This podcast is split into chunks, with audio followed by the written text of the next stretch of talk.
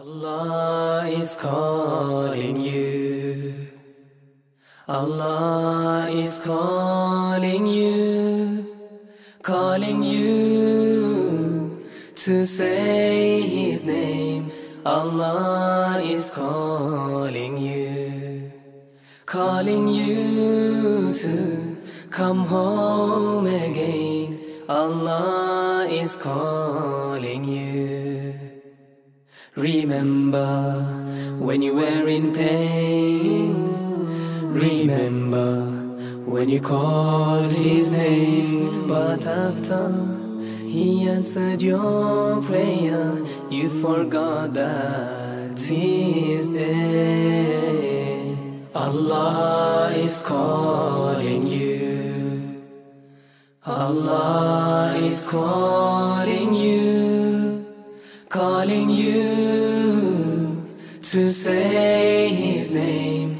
Allah is calling you.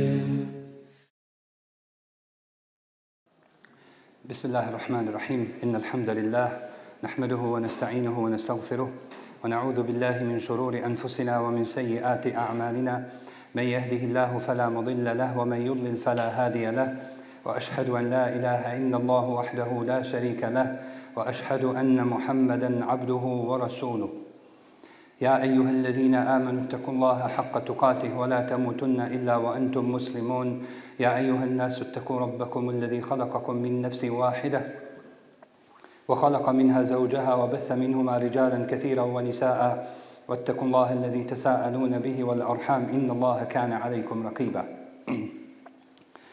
يا أيها الذين آمنوا اتقوا الله ولتنظر نفس ما قدمت لغد واتقوا الله إن الله خبير بما تعملون ثم أما بعد Poznati pobožnjak i islamski učenjak imenom Muhammed al-Munkadir ispričao je sljedeće. Stanovnike Medine zadesila je velika suša, pa su klanjali Allahu Đerlešanuhu namaz za kišu i upućivali gospodaru svjetova namaz za Eh, upoćivali gospodaru svjetova dovu da im spusti kišu, međutim, kiša nije pala.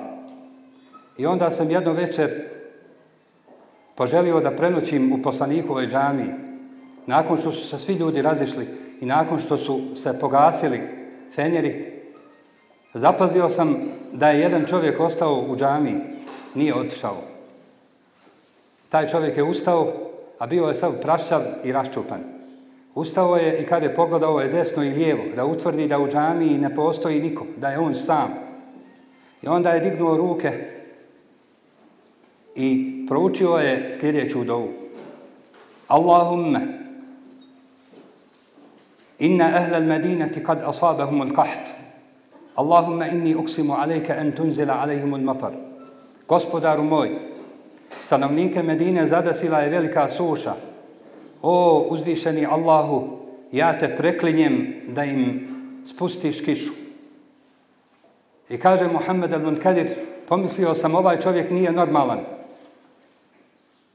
Kako može Allahu Đalešanuhu reći, Bože, ja te preklinjem da to i to uradiš? I kada je tako mi gospodara, nije prošlo nekoliko trenutaka, kiša je počela padati. Koliko je, braćo i sestra, onih ljudi kojima bismo, što se kaže, udjelili ili dali komad kruha, a njihova dova kod Allaha Đalešanuhu je teža od dove hiljadu drugih ljudi. Koliko je onih muslimana koji naoko nisu dobri vjernici. Međutim, njihovim riječima nebeske kapije se otvaraju i njihova dova odlazi direktno pod arš i Allah Đalešanuhu je prima. Čast mi je da večeras uz Allahu Đalešanuhu pomoć podijelim s vama nekoliko predivnih kazivanja o nekim vjerovjesnicima iz kojih ćemo, ako Bog da, izvući jednu pouku. Ili iz kojih ćemo, ako Bog da, izvući pouka koje će nam koristiti uz Allahovu pomoć u našem životu.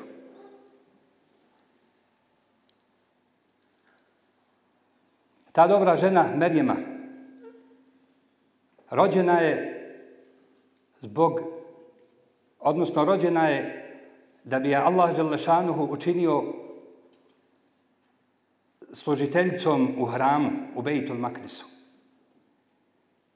I zaista je to i bila. I onda su sa ti muslimani prepirali ko će o njoj voditi brigu. Na kraju je ispalo da Zakarija, alaihissalam, poslanik, vjerovjesnik, otac vjerovjesnika Jahije, da o njoj vodi brigu. I Merjema je bila u hramu, služila je u hramu.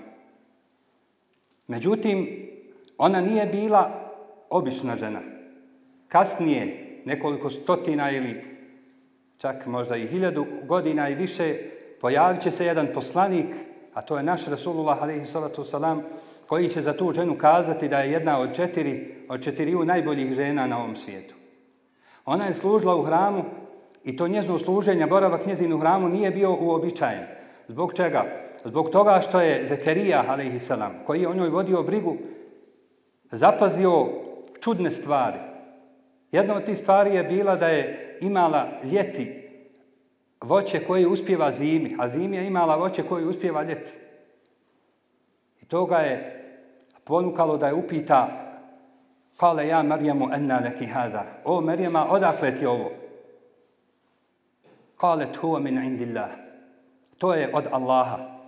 Ona je rekla, to je od Allaha. Inna Allaha jer zoku men je ša'u bi gajri hisab. Jer Allah daje obskrbu onom kome on hoće bez računa. Ako nam neko od ljudi, braćo i sestra, učini uslugu, postoji mogućnost da nam tu uslugu svoju kasnije spomeni. I da kada sjećaš se da sam ti dao.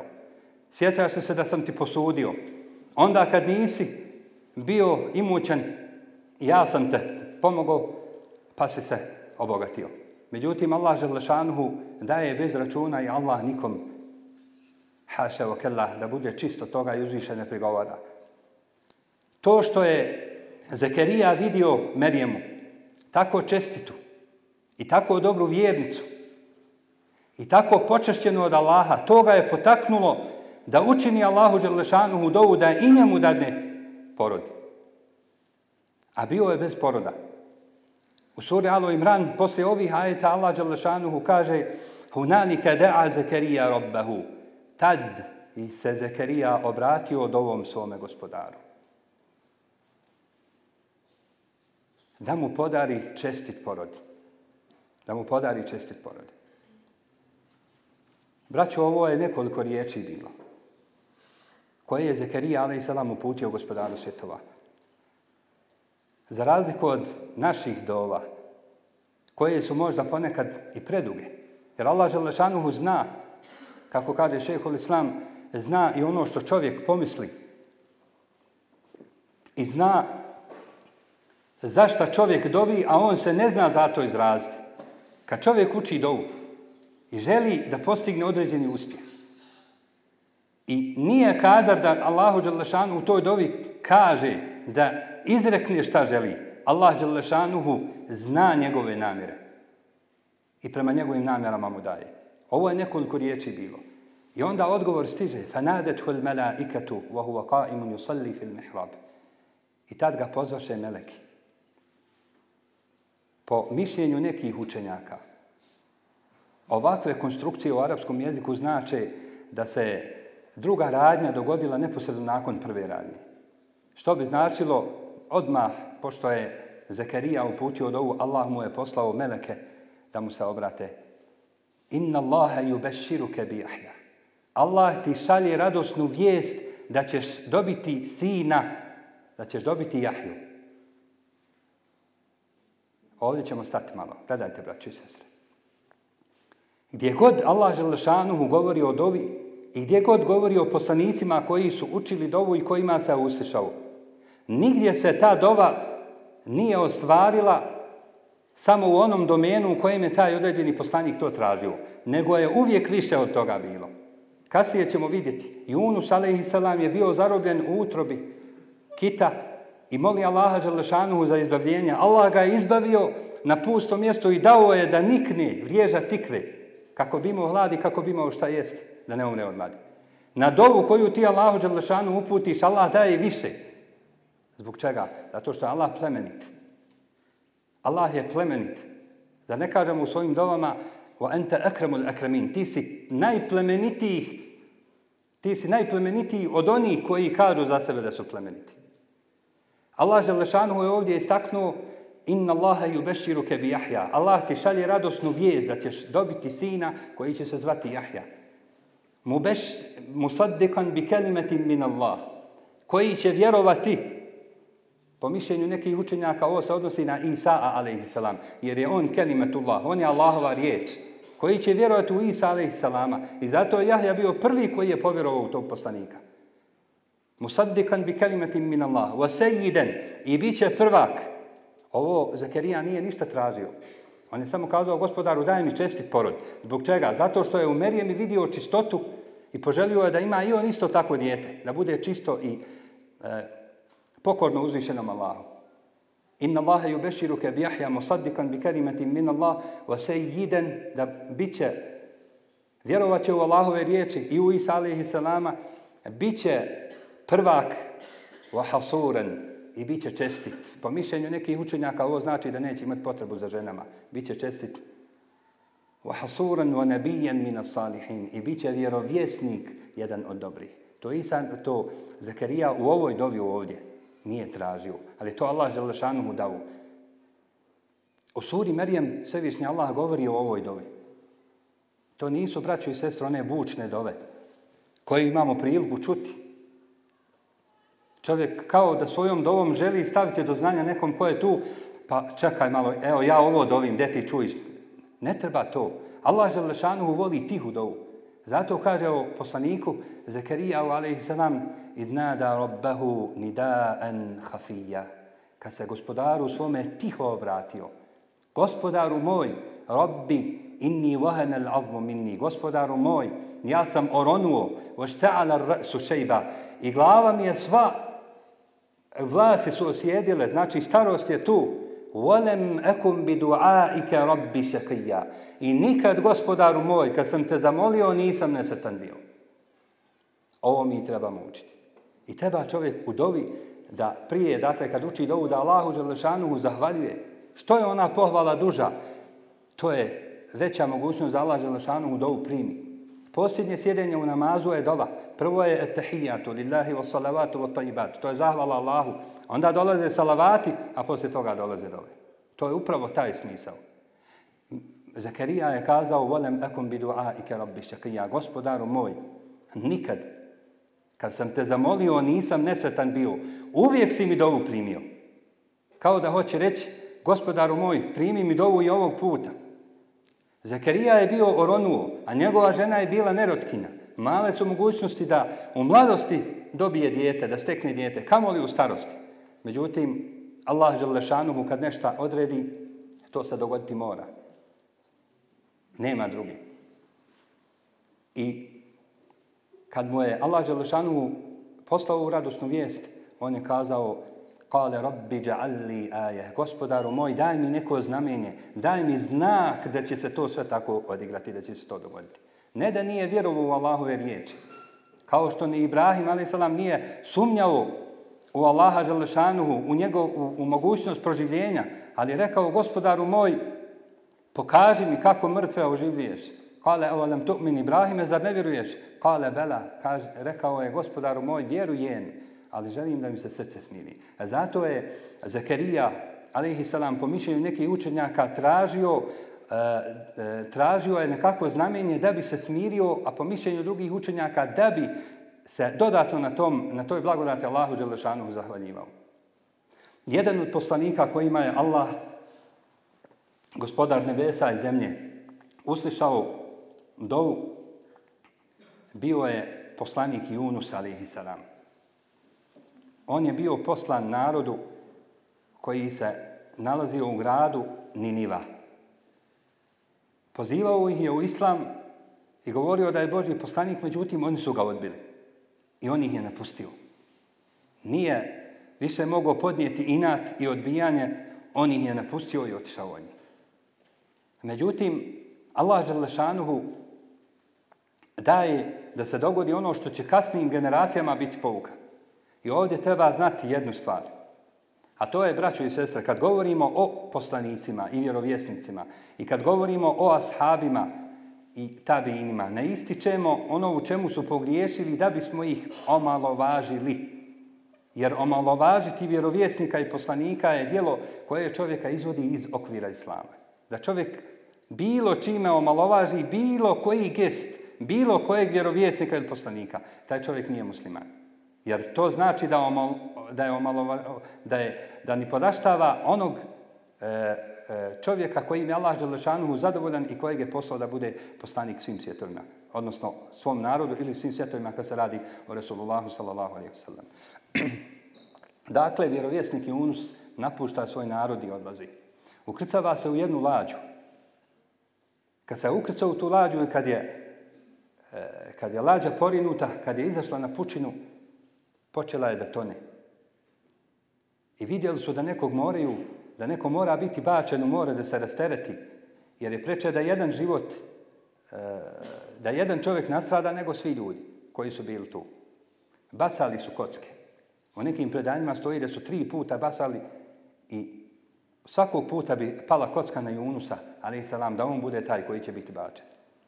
I kaže, kažu istoričaj da je skinuo sa sebe odjeću i da je skočio u, da je skočio u more. Svevišnji Allah tad šalje jednu ogromnu ribu koja je Junus a.s. progutala tu.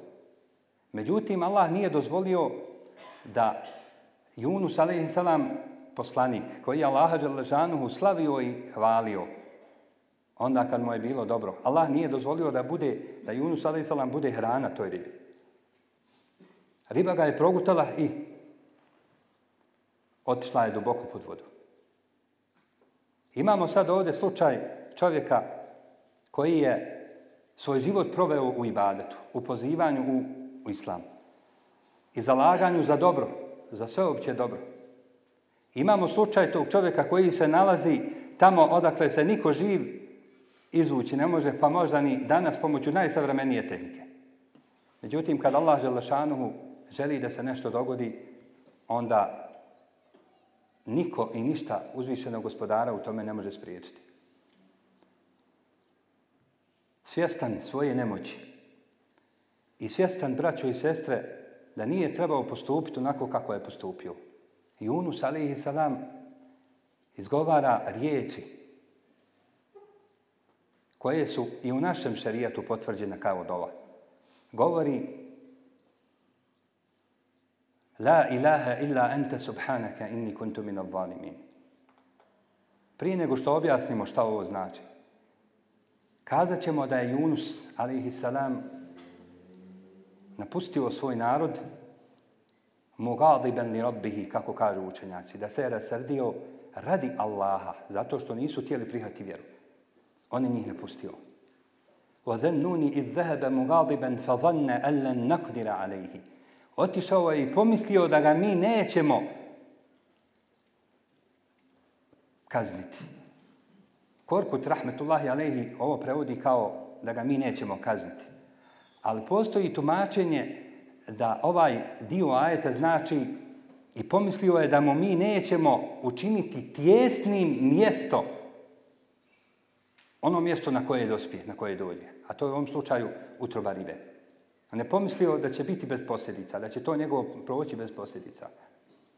Fanada fil volumat. I tad se Allahu Đelešanu mu obratio u tminama. Koje su ovo tmine? Prvo je tmina ribe, jer je on bio unutra. Drugo je tmina mora, jer se ispod hiljadu metara i dalje ne vidi više, svjetlost ne dopire. Dalje se prst pred sobom ne vidi. I treće je tmina noći. O tim tri, trima tminama zamolio je Allaha Đelšanuhu dovom La ilaha illa ente subhanaka inni kuntu min avvalimin. Dova sastavljena od jedne rečence od tri dijela. Nema Boga, nema istinskog božanstva osim tebe. Ovo je prvo. Ti si Allahu jedini Bog. Bog priznanje. Drugo je subhaneke, slavljen ti budi. Ti si kada da me izbaviš odavde? Kao da hoće da kaže Bože sačuvaj da si nemoćen da me izbaviš živa, a ne da moj kraj bude ovdje u ribinoj utrobi. Inni kuntu mina valimin. Ja sam bio jedan od onih što su sebi nepravdu počinili. Allah Želešanu uvoli ovakve dove. Ona dova kad čovjek uči dovu pa nabraja pa ja rabbi daj mi to pa daj mi to pa daj mi to. Pa daj mi to.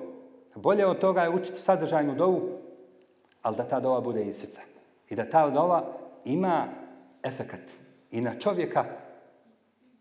Da, dakle, da ta dova ima efekat na čovjeka i da bude uz Allahovu pomoć primljena od uzvišenog Allaha. La ilaha illa ente subhanaka inni kuntu min avvalimin. Neki učenjaci kažu da ova dova sadrži najuzvišenije Allahovo ime. Pomoću kojeg čovjeka se obrati, Allah mu se odazove odmah kažu neki učenjaci. A Rasulullah sallallahu alaihi wa sallam kazao je u jednom pouzdanom hadisu koji je zabilježio imam al-Bayhaqi. Da'watu zinnuni fi batni l-huti la ilaha illa anta subhanaka inni kuntu min al-zalimin. Yunus je u utrobi ribe učinio dovu. Ti si jedini Bog. Allahu, nema drugog božanstva osim tebe slavljen neka se ja sam sebi nepravdu počinio. I kaže Resulullah objašnjava važnost ove dove. Lem jedu biha muslimun rabbahu qat illa stajaba lahu. Ni jedan musliman ni jedan musliman nikad se neće obratiti Allahu dželle ovom dovom a da mu Allah neće uslišati tu dovu. Ovo su velike riječi, ovo je pouzdan hadis nikad ni jedan musliman se neće Allahu obratiti pomoću ove dove ili ovom dovom, a da mu uzvišeni Allah tu dovu neće usješati. Ako čovjek ima neki problem i ako kaže, evo ja sam čuo na predavanju da ta dova, da je ta dova korisna i da će se Allah odazvati, ja ću sad uputi Allahu tu dovu. Da vidim hoće li mi se Allah usješati. Hoće li, hoće li mi Allah primiti tu dovu. Braćo i sestre, dova se ne čini radi eksperimenta kao što se na rukju ili na drugo liječenje ne ide radi eksperimenta. Ne znam da postoji razuman insan koji će kazati ja idem na operaciju srca, možda sam bolestan, ali idem svakako, nema veze. Toga nema.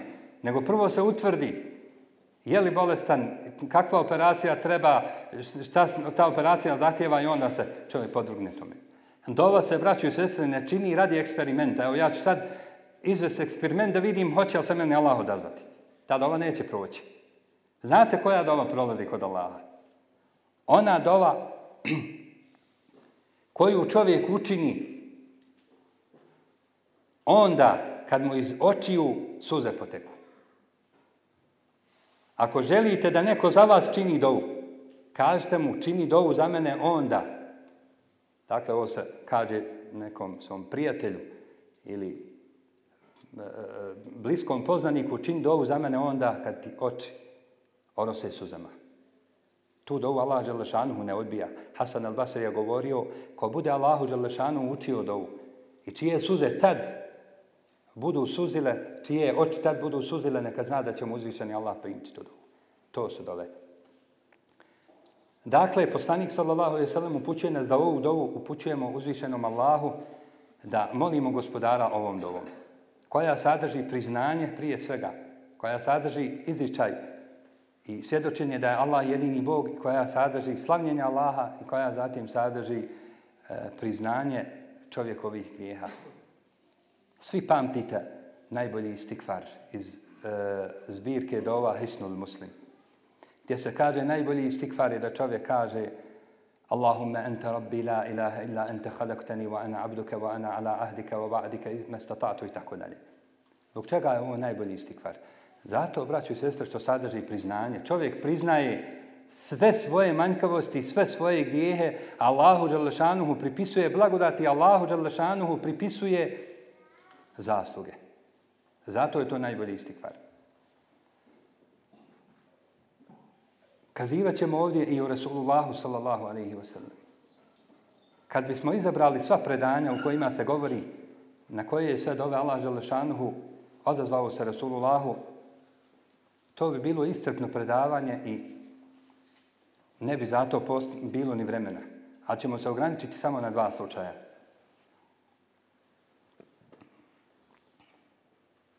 Jedan slučaj jeste prilikom bitke na Bedru.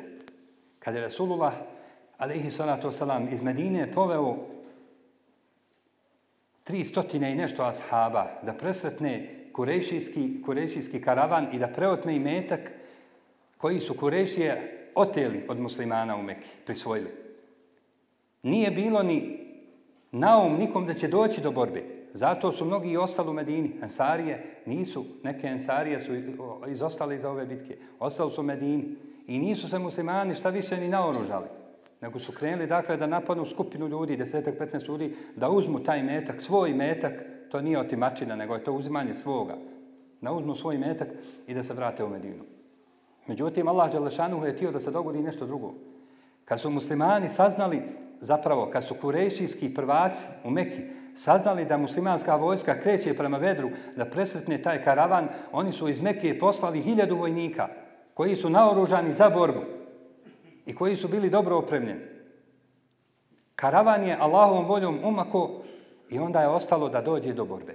Rasulullah sallallahu alaihi wa sallam, braćo i sestre, nije bio kukavica. On je bio najhrabriji čovjek koji je postojao na ovom svijetu. Ako se neki ljudi razmeću svojim vojskovađama, svojim junacima i tako dalje, nek znaju da je Allahov poslanik, nek znaju da su se ashabi za Allahova poslanika krili neki ashabi. Kad bi došlo do najžešće borbe, bio su iza poslanika, poslanik je bio prvi do mnogobožaca. Toliko je hrabar bio. Poslanik nije ustuknuo, nije se vratio. Ali je poduzeo, dao je o sebe nešto drugo.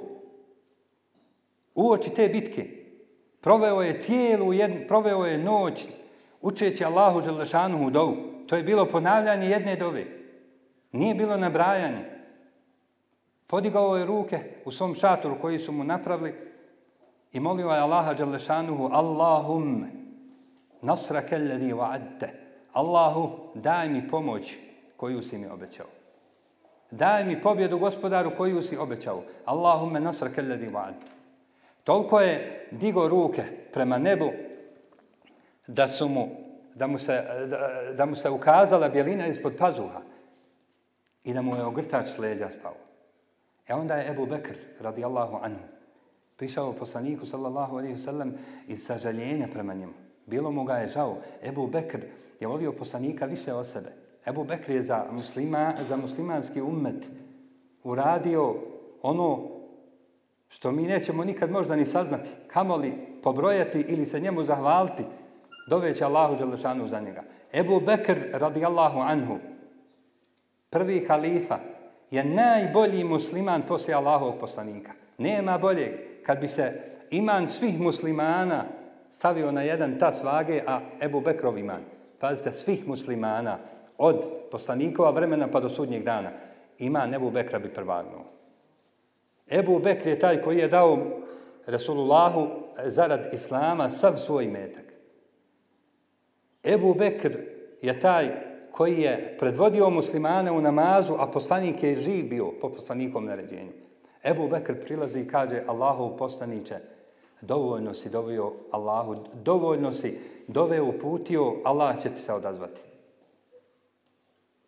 Ova dova je, braćo i sestre, ovoj dovi je otvorena nebeska kapija.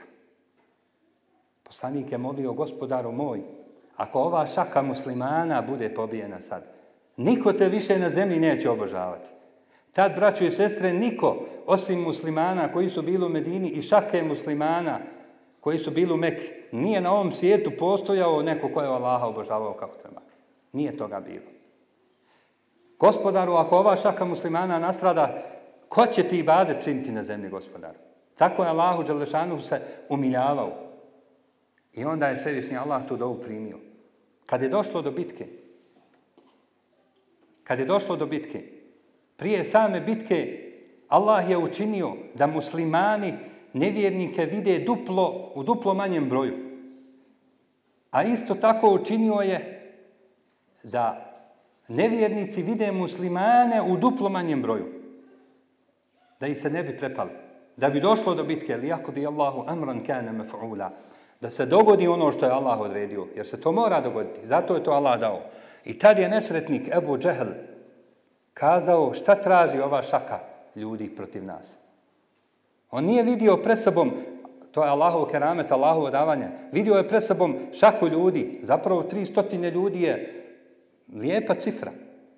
Međutim, oni su njih vidjeli vidjeli su i, i muslimane u duplo manjem broju da bi se dogodilo ono što se dogoditi mora. I ishod bitke vam je poznat. To je bila prva pobjeda Islama i time je uzdrmano cijelo arapsko, cijeli arapski poluotok. Jer to nije više onaj poslanik koji se može udariti kod Kjabe i na kojeg se mogu baciti, baciti iznutrice. To je sad čovjek koji ima vojsku iza sebe i koji ima jedan grad iza sebe, grad državu. Drugi slučaj je slučaj koji se dogodio u Medini, kad je zavladala jedna velika suša, kako pripoveda Enes radijallahu anhu, a hadis je zabilježio imam al-Bukhari. Enes radijallahu anhu kaže, stanovnike Medine zadesila je velika suša. I onda je Za vrijeme hutbe neki, se, neki beduin je ustao i kazao Allahu poslaniče. Helekel malu vada'a al-ijalu. Allahu poslaniče, ode nam sve u helač. Tolika je suša, kaže da su nam djeca gladna, nemaju šta jesti, a životinje uginuše od žedi od lade. Šta je Rasulullah s.a.v. kazao ovom čovjeku? Nemoj me prekidati, vidiš da držim govor. Nemoj Kako to nije stid?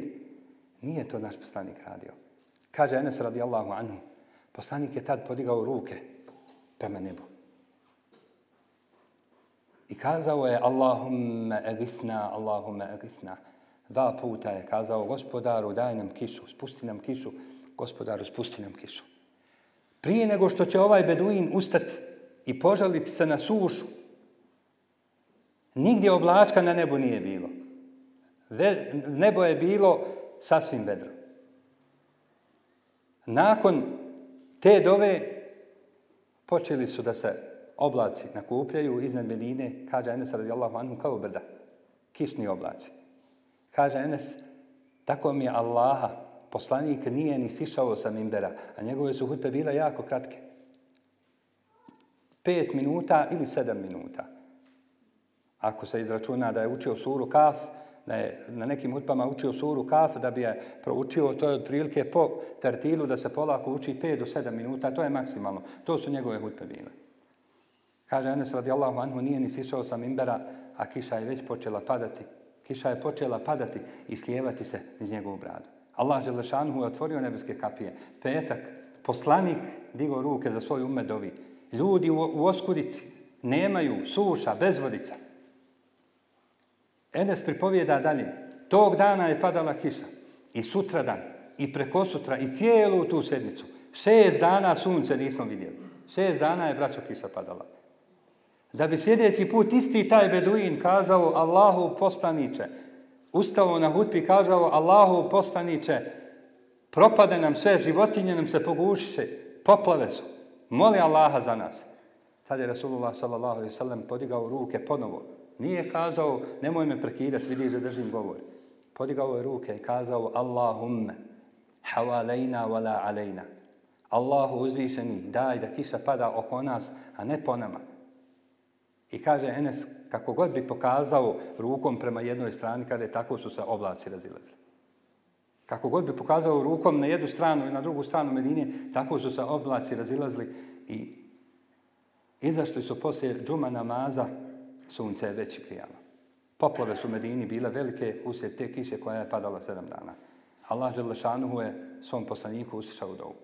Možda će neko kazati, pa dobro, to je bio poslanik. Njegova dova na ovaj ili onaj način mora biti kabul. Šta je s nama? Možda naše dove nisu tako jake. Znate, braću, čijoj se dovi Allah Želešanuhu odaziva? Ovo je jednostavna formula. Samo onaj koji je u životu primjeni, bit će vallahi pravi sretnik.